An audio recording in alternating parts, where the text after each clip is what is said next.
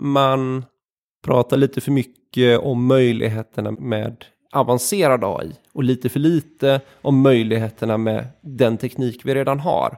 Med bara den teknik vi redan har så skulle vi kunna göra underverk i så många bolag, på så många platser, med hela offentlig sektor, utan att uppfinna en enda rad mer avancerad AI.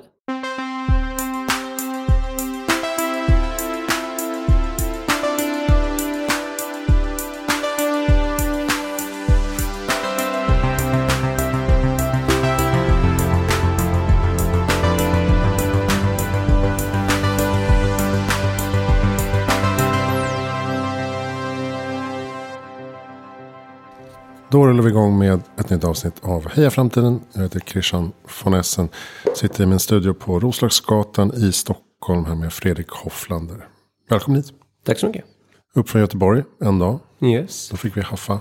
perfekt. Aktuell nu som eh, medgrundare till ett bolag som heter Egghead. Yes, eh, Som sysslar med eh, AI för företag egentligen. exakt. Så det är specialistbolag inom AI. Ska vi backa bandet lite grann? Hur ramlade du in i AI från början? Ja, nej, men bra fråga. Eh, någon gång i början av 2000-talet, höll jag på att säga, jag gick på gymnasiet och var väldigt fascinerad av robotik egentligen. Blivit det genom min morbror som doktorerade inom det då. Så det var egentligen där det började kan man säga. Och satt först med lite legorobotar och lite nybörjarrobotar och sånt. Och sen eh, ramlade in på Chalmers och läste alla kurser jag kunde inom ämnet. Eh, började jobba och hade flyt i början och komma in dels då genom eh, bekanta som, som hade bolag inom området och sen eh, hade turen att få göra exjobb. Eh, tävlade mycket med robotar, eh, autonoma robotar under den tiden också. Eh, lyckades vinna robot-SM, vilket också öppnade liksom många dörrar in i den världen. Det var 2007, där var li- inte jättemånga som jobbade med den här tekniken. Då. Du vann robot-SM. Så var det. Eh, väldigt kul. Eh, event som, som gick på Chalmers då. Så det, det brukar jag säga, jag har två SM-guld. Det är robot och i figurativ marsch. Det är de häftigaste SM-gulden man kan ha. Får nog utveckla figurativ marsch också. det är när man, när man spelar i orkester och går figurativt. Jaha, samtidigt. okej. Exakt. Marscherar i, i, form, i formering. Skapa mönster. Precis. Wow. Så det är väldigt, väldigt, två väldigt konkurrensutsatta SM-guld kan man säga. Ja, just ja, jag, jag har en kompis som eh, gick med i ett så här manligt eh, konstsimlag. Ja, Och sen så fanns det inte så många i Sverige. Så att de blev skickade till eh, VM någonstans. häftigt. Och eh, vann VM. För det var inte så många lag där heller. Så att han blev då världsmästare i konstsim helt plötsligt. Ja men precis. Det, man ska hitta man ska sin hitta, eh, exakt, nisch exakt, som ingen annan har så, så robotar det var, och AI där, det blev liksom min 2007 och var inte, det var inte tok utsatt konkurrens där. Men eh, å andra sidan fanns inte speciellt mycket jobb heller, så man, man fick hela tiden leta sig in och, och mm, vad ska man säga, hitta de här olika delarna. Eh, under, fram till 2015 16 eh, under den tiden eh, liksom jobbade som utvecklare och data scientist skulle man kunna kalla det idag. Under hela den tiden hade jag liksom alltid titeln som konsult, eh, mjukvaruutvecklare, eh, det ena och det andra backendutvecklare. Men fick hela tiden hitta, liksom hitta nischerna. Jag fick jobba mm. med, med, med machine learning och statistik och de här delarna inom de här delarna. Så det har andra sidan blivit väldigt spännande och fått jobba med allt från predictive maintenance i flygmotorer till smarta kameraövervakning till reklamförslag på webbsidor och självparkerande bilar. Så det har väl liksom blivit högt och lågt. Och någonstans där så insåg jag detta att att jobba med data är väldigt domänoberoende. Alltså kan man, kan man jobba med den här datan på ett vettigt sätt och inse att det är ens nisch.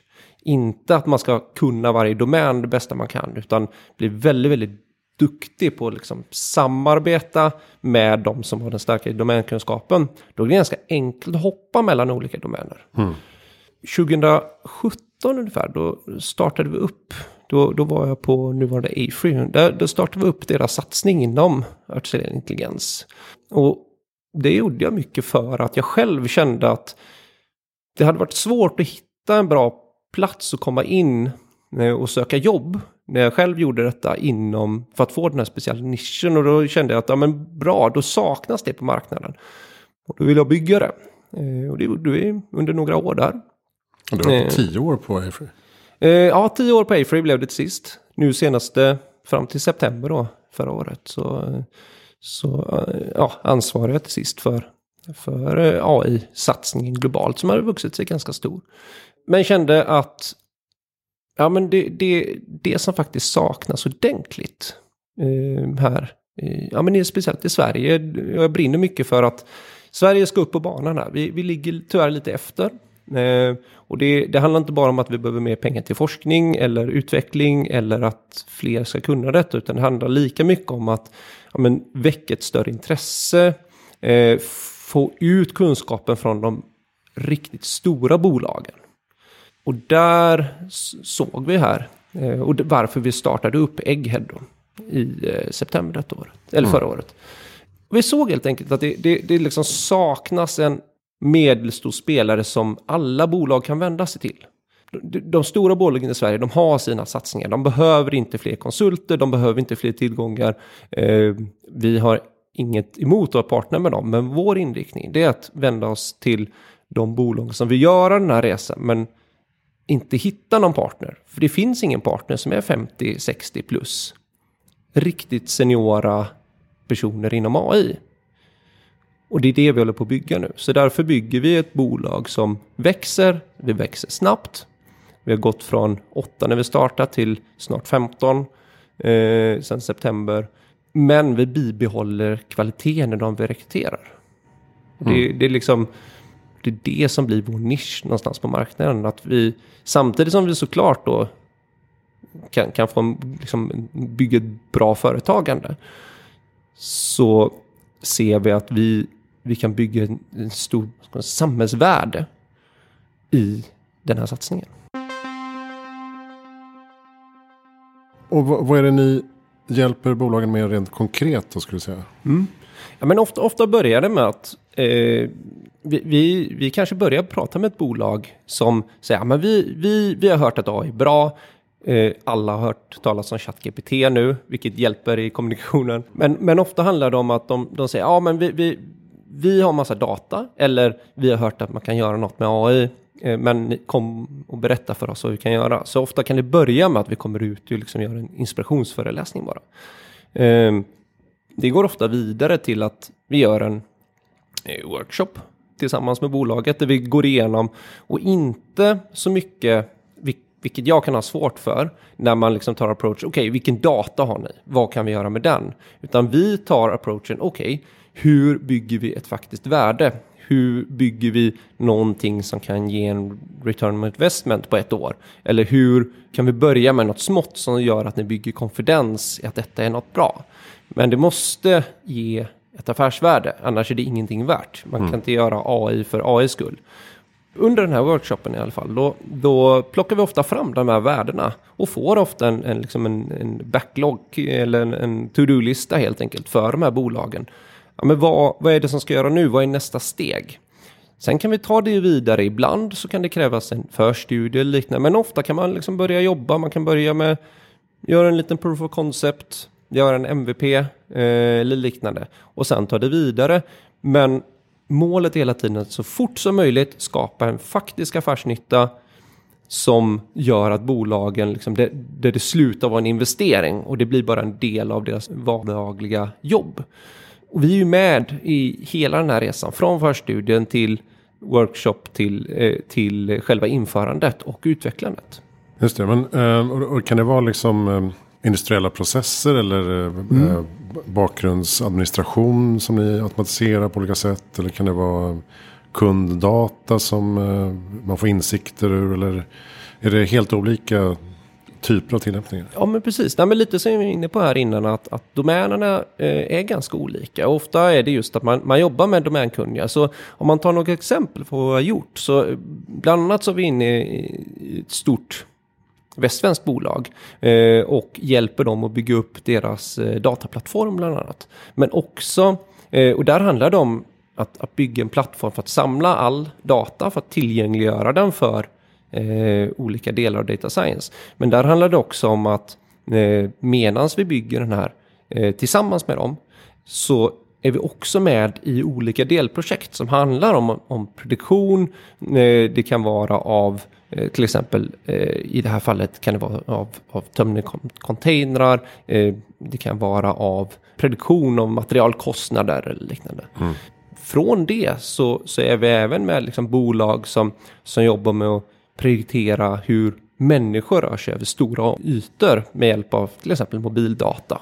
Vi jobbar med bolag inom tillverkning eller inom plockindustri ska jag säga, plockrobotindustrin och hjälper dem hur man kan bygga visionsystem.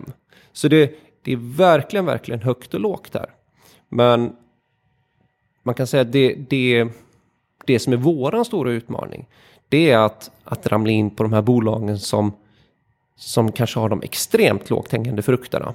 Där det handlar om små, små saker man behöver göra för att få stora förändringar. En sån enkel sak som att om man går ut och frågar bolag som säljer något och frågar hur mycket kunder kommer ni ha i övermorgon? Så är det väldigt få som tittar på det. Mm. Eh, och de personalsätter ofta på, på känsla. Ja, men på tisdagar brukar det vara så här. Eller på, på dagarna före jul så brukar det typ vara så här. Men det är väldigt få som jag använder det liksom, Eh, ha en datadriven approach på det problemet. Och det är en sån jätteenkel sak. Alltså det, det kräver absolut ingen avancerad AI-teknik för att få fram de siffrorna. Utan det är ganska klassiskt statistiska uppgifter. Våran utmaning det är att nå ut med att inte behöver vara stora grejer.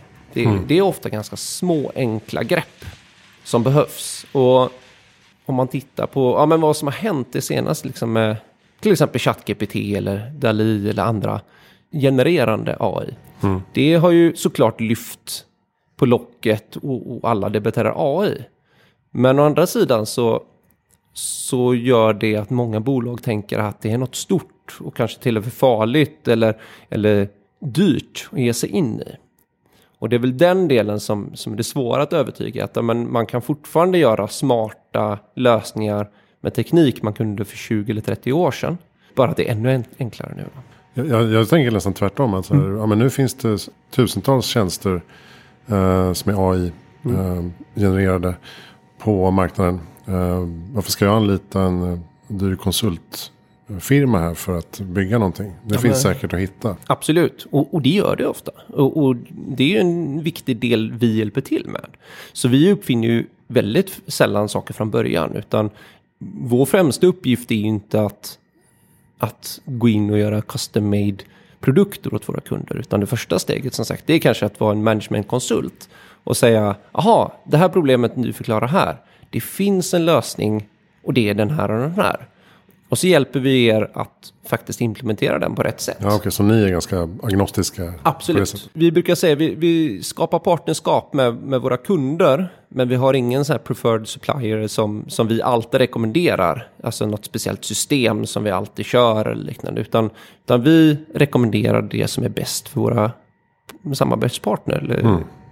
ja, så vi, vi, har liksom inte ett självändamål att göra stora projekt av saker. Utan vi, vi vill sprida kunskapen kring hur man använder AI.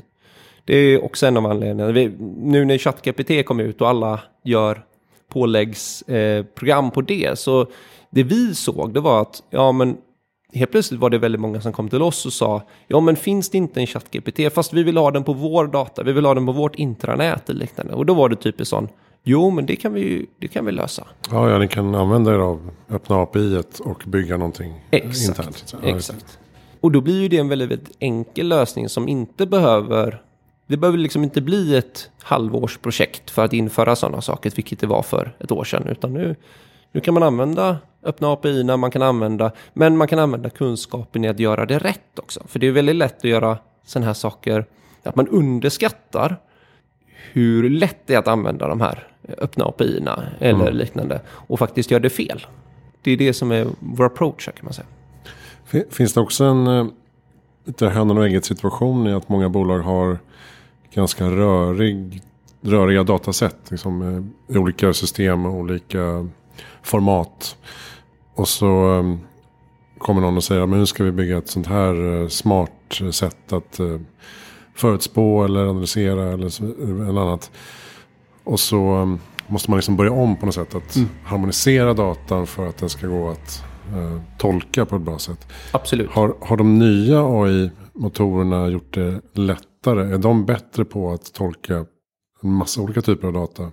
Det känns ju så. Då. Ja, men precis. Ja, men absolut. Och, och jag skulle säga att del, dels har du i, i och med liksom, eh, Large Language Models så kan du kan använda dem för att även tolka till exempel ostrukturerad textdata. Typiskt. Eh, det. det är en väldigt bra. Sen har det ju kommit många verktyg för att tvätta data, eh, plocka ut data, eh, till och med då annotera data. Inte kanske i det här man tänker annotera så här, ja men föreställ den här bilden en katt eller hund, utan annotera i form av här har vi massor av fastighetsdata. Vad är en temperatursensor? Vad är eh, en passeringssensor vid en dörr och så vidare. Istället för att en människa sitter och, och liksom bestämmer varje och, och annoterar varje sensor vad det är för något. Så det, det har kommit mycket verktyg och det har kommit mycket metoder för att göra de här delarna. Och det har ju liksom grundats i dels ett intresse att faktiskt göra detta, men också att, att det just har kommit mer avancerade AI-verktyg som kan göra mer avancerade tolkningar helt enkelt. Ser du någon särskild eh, sektor som kommer vara extra intressant för den här AI-utvecklingen? Du är baserad i Västsverige. Det mm. finns ju en naturlig koppling till fordon och transport till mm. exempel. Mm. Ja men absolut. Eh, alltså fordon och transport, superintressant. Eh, så som jag ser det så, vi, vi jobbar gärna med dem. Och vi, jag har jobbat med de flesta västsvenska liksom, fordonsbolag tidigare. Eh, och finns hur mycket som helst där att göra också såklart. De har ju kommit en bra bit och de, de har ju stora satsningar inom detta.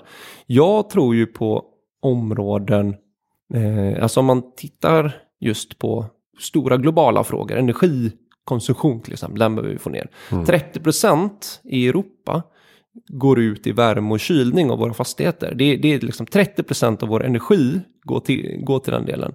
Eh, där har vi gjort projekt tidigare till exempel med, eh, med ett fastighetsbolag där vi sparade lite över 20% av deras CO2-utsläpp. Och det var utan att bygga om fastigheten. Alltså bara genom smartare reglering. Ja. Det tror jag är en superviktig sektor. Det intressanta med ett sånt typ av projekt, det var att anledningen till att de ville ha det från början, det var eh, för att minska deras energikostnader. Det de insåg, det var att när de kunde, istället för att optimera mot kostnader så optimerar de mot CO2.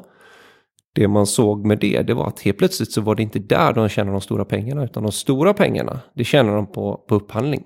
Alltså när de kunde visa för en kommun eller en markägare att eh, i konkurrensen mellan de fastigheter som ska byggas så gör vi av med 20% mindre CO2. Aha, okay. Då helt plötsligt hade de lättare att få igenom bygglov eller, eller ja, markanvisning eller liknande. Och helt plötsligt där, där det, det är liksom helt andra pengar än den energin eller de, de, de uppvärmningskostnader man har. Mm. Och dessutom då så optimerar man faktiskt mot CO2, inte mot energi i sig. Vilket gör att det får en ännu större miljömässig impact än om man bara skulle optimera kostnaderna. Hmm. Ja, jag tror också att energieffektiviseringen är den stora dolda eh, superkraften i det här skiftet. Ja, ja, som man kanske klart. pratar lite för lite om. Helt klart så. Och även där då, liksom, det intressanta när man börjar gräva i en sak. Man, man kanske gör det som sagt då för att ja, men vi vill spara pengar på el. Och så inser man ganska snabbt att för att kunna energioptimera en byggnad då måste du veta ja, men hur beter sig folk här? Använder de mycket ström? Hur mycket människor är det? Var någonstans är de? Vi vill optimera kanske inte på en byggnad utan ner på rumsnivå. Då måste du veta var folk är. Samma sak där, att då börjar du ta reda på det. Och då är plötsligt inser bolaget, ja men det här, det här går ju åt ett ännu större värde. Det där är ganska vanligt, skulle jag säga. Man börjar i ena änden. Och det är ofta därför vi trycker på att Nej, men börja, börja någonstans så kommer idéerna. Och du kommer börja få massa insikter. För många bolag visste inte om att när man börjar titta på fastighetsdatan så upptäckte du jättesnabbt läckande toaletter, du upptäckte eh, ventiler som eh, hade rostat igen för fem år sedan och man upptäckte en massa andra så kallade anomalier i datan. Bara genom att titta på data och det här var, det är liksom data scientist som, som kanske inte ens har liksom jobbat med in, inom byggnation eller inom fastighet eller så innan. Men de är experter på att säga när data inte stämmer. Ja, och eh, man pratar ju ofta nu om att eh, Sverige halkar efter eh, när det gäller eh, digitalisering av offentlig sektor. Mm. Där det skulle kunna finnas massa tillämpningsområden mm. för AI till exempel. Um, och du nämnde innan att det saknades, eller saknas medelstora AI-bolag helt enkelt mm. här i landet. Varför tror du att det har blivit så? Jag tror att vi, dels har vi haft vi har haft en väldigt stark eh, eh, kultur i att bygga nya high-tech-bolag, vilket har varit jätte, jättebra. De flesta high-tech-bolag har, eh, de som har lyckats, de har antingen eh, köpts upp av, av eh, internationella stora bolag mm. och eh, de har ofta varit nischade mot en produkt. Och då har man man har varit väldigt, väldigt attraktiv som arbetsgivare. Och de största talangerna har hamnat på de här bolagen. Och det har inte varit fel i sig på något vis. Men det i sin tur gör det att, att de duktigaste inom AI, de hamnar ofta på bolag där de optimerar den produkten. Heller inte helt fel. Men det gör å andra sidan att, att det har varit svårt att bygga, vad ska man säga, en, en AI-hubb eh, i Sverige. Jag tycker man har gjort ett bra jobb med AI Sweden. Eh, eller det är ett bra initiativ och en bra tanke. Eh, jag tror att nu börjar man hitta sin form. Det har till att börja med varit lite för mycket fokus på de stora bolagen som har gått in i Sweden. Eh, och de har fått en väldig nytta, vilket inte är fel. Men det är heller inte gynnat de med, liksom, små till medelstora bolag som hade behövt den här hjälpen. Eh, eller som du säger offentlig sektor. Men nu börjar man hitta det greppen. Man, man har gått ut väldigt starkt i kommuner till exempel. Eh, även Vinnova ger ut stora bidrag till kommuner eh, som vill jobba med AI. Eh, superbra initiativ och det måste fortsätta och dessutom man behöver skala upp det ännu mer. Alltså det är bra. Jag, jag vill liksom inte, jag, jag, skulle säga att vi, vi ligger efter, vi har tagit åt oss, vi gör bra saker.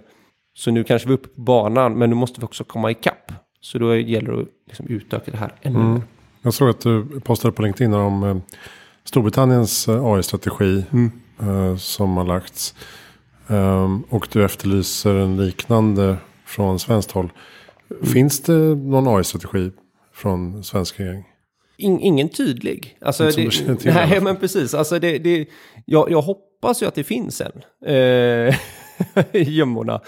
Och jag, jag hoppas att, att, att man har en tydlig på gång. Och att man gör som England och är väldigt tydlig kring vi tänker satsa på detta. Och där handlar det inte bara om att ja, men man ska inte bara ge skolorna mer pengar, man ska inte bara forska och liksom att tro att kunskap kommer att sippra ut i samhället, utan man måste man kan säga så här, vi har riktigt duktiga människor i Sverige. Vi har riktigt, riktigt duktiga utvecklare. Vi har riktigt duktiga data scientist, statistiker som lätt kan sadla om och bli riktigt duktiga data scientist.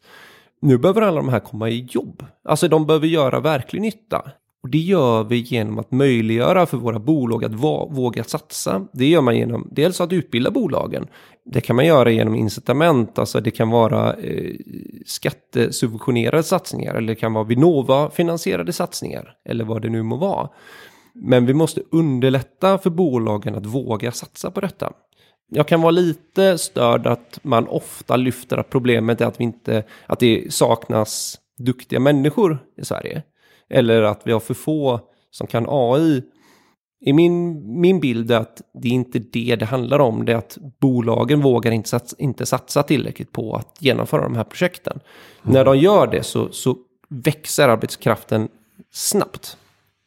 Mm. Jag såg bara en parallell då till mm. Silicon Valley där mm. vi de senaste månaderna har sett eh, neddragningar eller eh, varsel på tiotusentals eh, människor. Mm. Jag tror Meta upp i 18-20 000. Amazon drar ner tusentals. Salesforce, Disney. Och det låter ju hemskt. Men samtidigt så är det ju en enorm talangpool som kommer ut på marknaden igen. Och startar nya saker. Och eh, som även en ekonomist påpekade att de kan skapa värde i andra industrier och bolag som inte har kunnat konkurrera tidigare om den här arbetskraften. Och det, och det samma har vi väl sett i eh, fordons-Sverige också. Att när en aktör bryter, bryter samman så bildas det många eh, nya kluster och eh, startups av det. Absolut. Så det är väl lite där, den här pendelrörelsen som är ganska viktig också. Eh, Jag tyckte man kunde se det bara, bara på pandemin. När de stora fordonsbolagen eh, plötsligt slängde ut alla konsulter eh, i panik. Eh, och sen tre månader senare insåg att oh, vi ska göra saker också. Så vill man ha tillbaka alla. Men då hade de här lite, de hade ju redan fått nya uppdrag. Eh, man sa ju inte upp så många, men mycket konsulter åkte just ut. Och då märkte man det att man liksom fick en rörelse från all den här kunskapsmassan som hade samlats hos, eh, hos fordonsbolagen, speciellt i Göteborgsregionen. Då. De började komma ut på andra delar. Då. Så precis där du beskriver, och det var ju såklart dumt för, för fordonsbolagen, även om jag tror att de överlever det. Så mm, jag tror att det behövs en sån, liksom, eh, ja, men en, en sån händelse för, för att få den här spridningen av kunskap. Mm. Ja, men det är lite som man sett med restaurangbranschen också. Eh, Just det. Man slänger ut alla unga anställda eh, för att det är enklast. Och sen så ska man, ska man komma igång igen och då är det ingen som vill jobba i restaurangbranschen. För de har hittat andra, andra Även- karriärer. Precis. Mm, Kulturbranschen märkte ju samma sak. Att helt plötsligt hade man inga billiga skådespelare kvar. Billiga skådespelare. ja. Du eh, är inne i en annan eh, grej också som heter Delori. Vad är det för någonting? Delegation of rights. Ja, men precis. Det är, det är ett annat eh, projekt, höll på att säga. Det är, det är bolag eh, som drog igång här för två år sedan tillsammans med två kompisar här. Delore, det handlar egentligen om, om precis det det heter, delegation of rights, det vill säga att delegera rättigheter. Det, det handlar om eh, att jag ska kunna ge dig rätt att handla i mitt namn. Det kan vara allt från att hämta ut mina paket, men det kan också handla om att du ska kunna hantera min medicin eller eh, mina juridiska eh, uppgifter eller liknande. Så enklare typ av digital fullmakt. Ja, exakt sätt. så är det.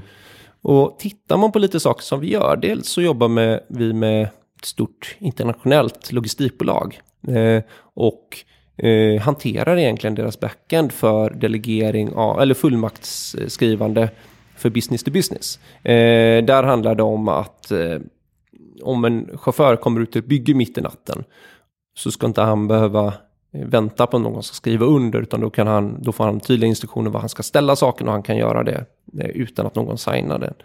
Eh, men vi, vi hjälper också till till exempel inom, inom, eh, eh, inom vården. Eh, vi, vi har varit involverade inom Alzheimers vård. Vem som får hantera någons medicin till exempel. Eh, kanske viktigaste projektet vi har just nu, det är någonting som kallas Delore Payments. Eh, där har vi tagit oss an det lilla problemet med att 10% av Sveriges befolkning står utanför möjlighet att betala för sig. Helt enkelt för att de har inte möjlighet att använda betalkort. Och kontanter har helt slutat användas. Så där har vi byggt ett system som ska användas inom äldrevården, inom särskilda boenden, där de som jobbar på boendena kan gå med och, eller, eller gå och handla för någon annan med deras pengar. Och i dagsläget finns det inget sådant system. Eh, Men vi, har, vi har byggt ett sånt precis och eh, som är ute på pilot just nu hos ett antal kommuner. Och det handlar helt enkelt om att jag kan gå till en affär och så kan jag dra ett kort som står i mitt namn. Eh, men det dras dina pengar. Ehm, och det innebär att, eh, för så som det har varit hittills, då har det tyvärr, tyvärr skötts på det viset att jag har lånat ut mitt kort. Och jag har varit sjuk, gammal och inte kunnat betala för mig, men jag har ett kort. Då har jag lånat ut det kortet till dig, gett dig min kod, du begår urkundsförfalskning och dessutom slutar alla garantier eller försäkringar för det här kortet gälla då. Är det så? Yes. Och jag blamear ingen där, för det är det enda praktiskt möjliga sättet att lösa det här problemet på. Det vi istället har valt att göra, det är just att lösa det på det viset att eh, bygga en, en liten teknisk loop så att man genom vår app Eh, registrer- du går in och registrerar helt enkelt att eh, nu handlar jag för Fredrik. Och så blippar du. Mm. Och då dras det pengar från, eh, från mitt konto istället. Och där i ligger ju våran plattform i grunden då, att, eh, liksom, som håller koll på med hjälp av liksom, eh, en, en stark säker teknik att du får handla för mina pengar. För det är ju det viktiga andra steget då, att, att faktiskt säkerställa att du får handla för mig. Mm, just det. Det låter spännande. Mm. Tycker du eh, generellt att vi ehm, pratar för mycket om eh, AI-risker och för lite om eh, möjligheter? Ja, men jag tror att det är en ganska bra balans. Vissa risker ser jag som ganska små, som man pratar lite väl brett om kanske. Alltså att AI i sig eh, skulle, alltså prata generell AI till exempel. Att, att den risken, den ser jag som väldigt, väldigt liten. Alltså ska man prata om farlig AI så ser jag risken är mycket, mycket större att en, en ondsint människa använder AI för ondsinta delar, eh, saker. Som att styra stora folkmassor eller att, att, eh, ja men det har vi redan sett, att avgöra stora politiska val eh, med hjälp av AI-teknik. Däremot så, så risker med eh, ja, men, eh, vissa yrkesgrupper kanske väldigt snabbt förlora jobbet. Alltså nu, nu trodde vi att självkörande bilar redan skulle vara här. Eh, nu är den inte det, men, men den dagen det sker, då ska vi ändå vara med på att det kan bli en väldigt, väldigt stor yrkesgrupp som plötsligt förlorar jobben. Och, och ganska snabbt dessutom. Till exempel yrkeschaufförer då. Och, och det måste vi ändå, det, det måste man faktiskt ta i beaktande som till exempel politiker. Men, men sen möjligheterna med detta, alltså vi, vi har alltid Ny teknik har alltid bidragit till att människor förlorar jobbet. Men precis som du varit inne på, när man förlorar jobbet på ett ställe så, så genererar det mycket för samhället på ett annat plats. Så det här är ju liksom inte en samhällsfara, så som jag ser det. Eh, Jag ser inte att vi plötsligt står och inte vet vad vi ska hitta på. Hade vi för hundra år sedan sagt att färre än 3% i Sverige kommer att vara bönder, så hade man undrat, "Ja, vad ska alla andra göra då? Ja, det. Eh, Och, och det är väl där vi är idag också, att vi, vi liksom aldrig börjat jobba mindre, eh, vilket kanske är synd. Eh, men, eh, utan vi har bara velat göra mer. Eh, när vi har fått möjlighet, eh, kan man säga.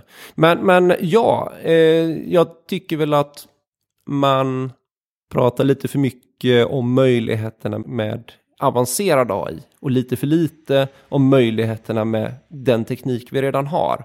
Med bara den teknik vi redan har så skulle vi kunna göra underverk i så många bolag, på så många platser, med hela offentlig sektor, utan att uppfinna en enda rad mer avancerad AI.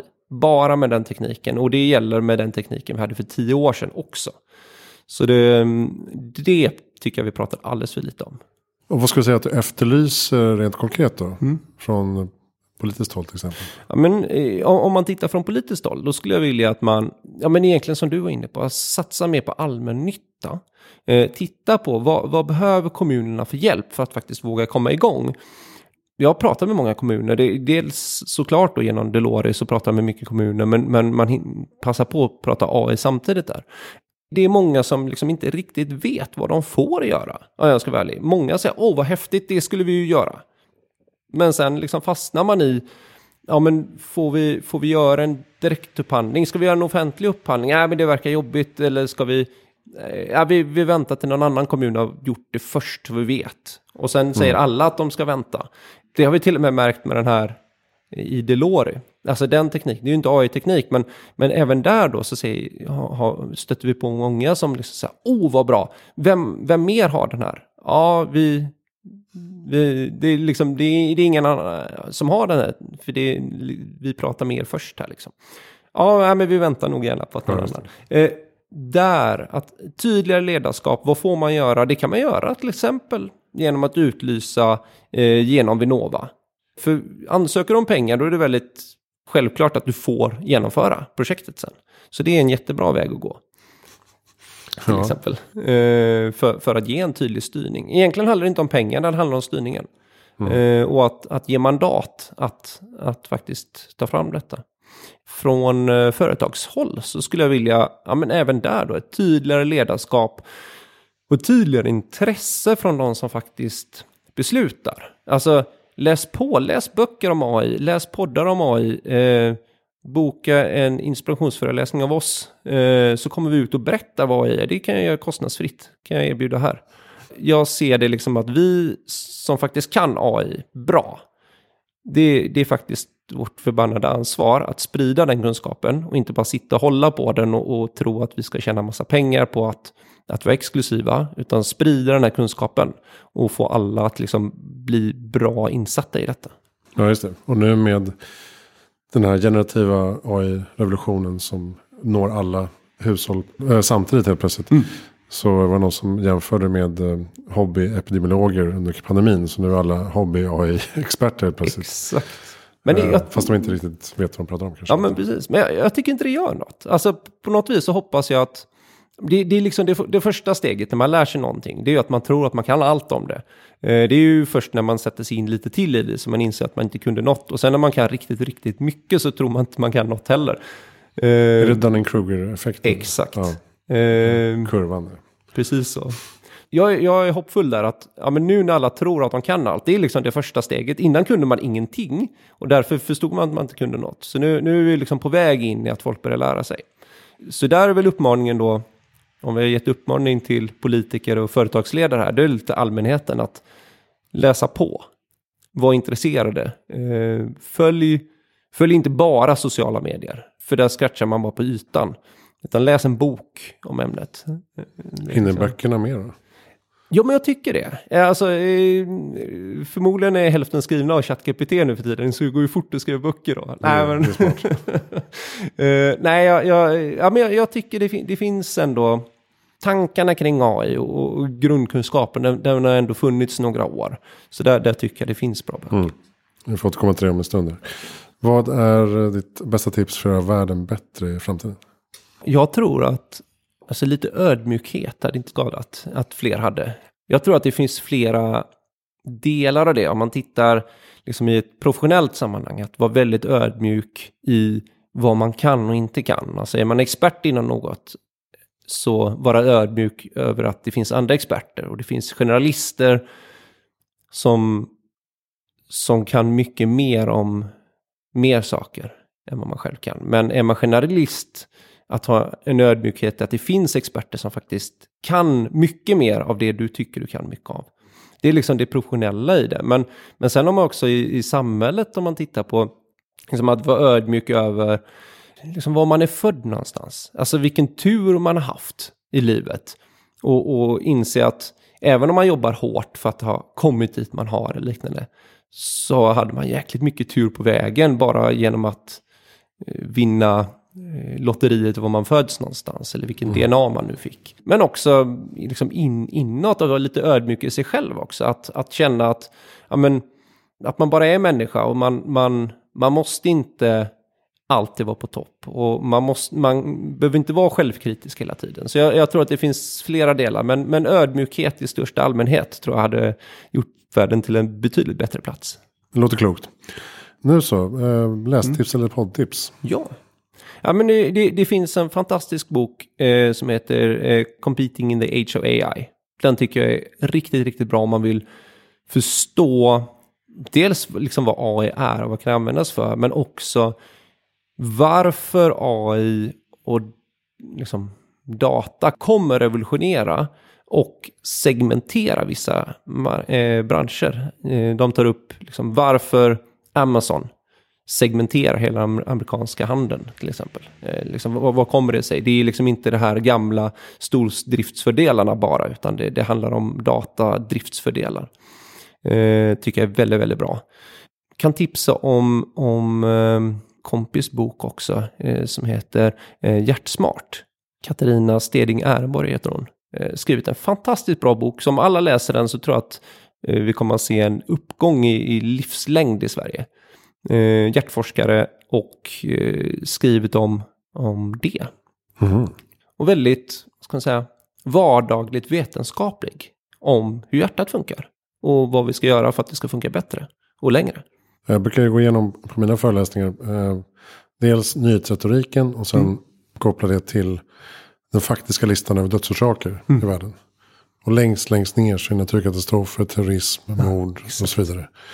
Längst upp är överlägset hjärt-kärlsjukdomar. Precis. Så det är vi själva som tar koll på oss, så att säga. Precis. Genom våra livsstilsval. Eh, vem tycker att jag ska intervjua? Jag tycker du ska intervjua henne till att börja med. Hör av dig till henne så tror jag att hon eh, ställer upp på intervju. Den andra jag tycker du ska intervjua också, det är Pontus Wernestål. Ja, just det. Han eh, forskar inom eh, AI och liksom hur AI och UX hänger ihop. Alltså hur, hur man faktiskt använder eh, AI. Eh, forskar, föreläser, eh, jobbat mycket inom detta. Eh, väldigt framstående inom det fältet. Så det, den har varit en spännande intervju att lyssna på tycker jag. Ja, jättebra tips. Um, då ska vi avrunda. Tack snälla Fredrik Hofflander för att du kom Tack till här framtiden. Tack. Och um, Egghead är alltså ägg med ett G.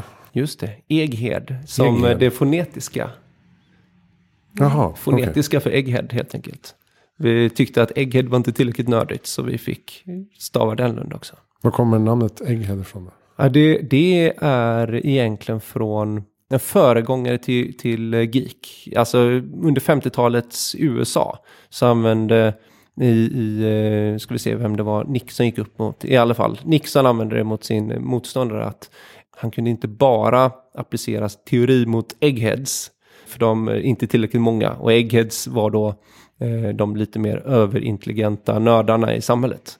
Eh, så det tyckte vi var kul. Så det har inte med flintskallighet att göra? Nej, det har inte med det. Inte bara. även om eh, min frisyr som inte syns här på eh, skulle kunna vara en av orsakerna till namnet. Ja, det kan man ju fundera på. eh, då är det i alla fall eghed.se.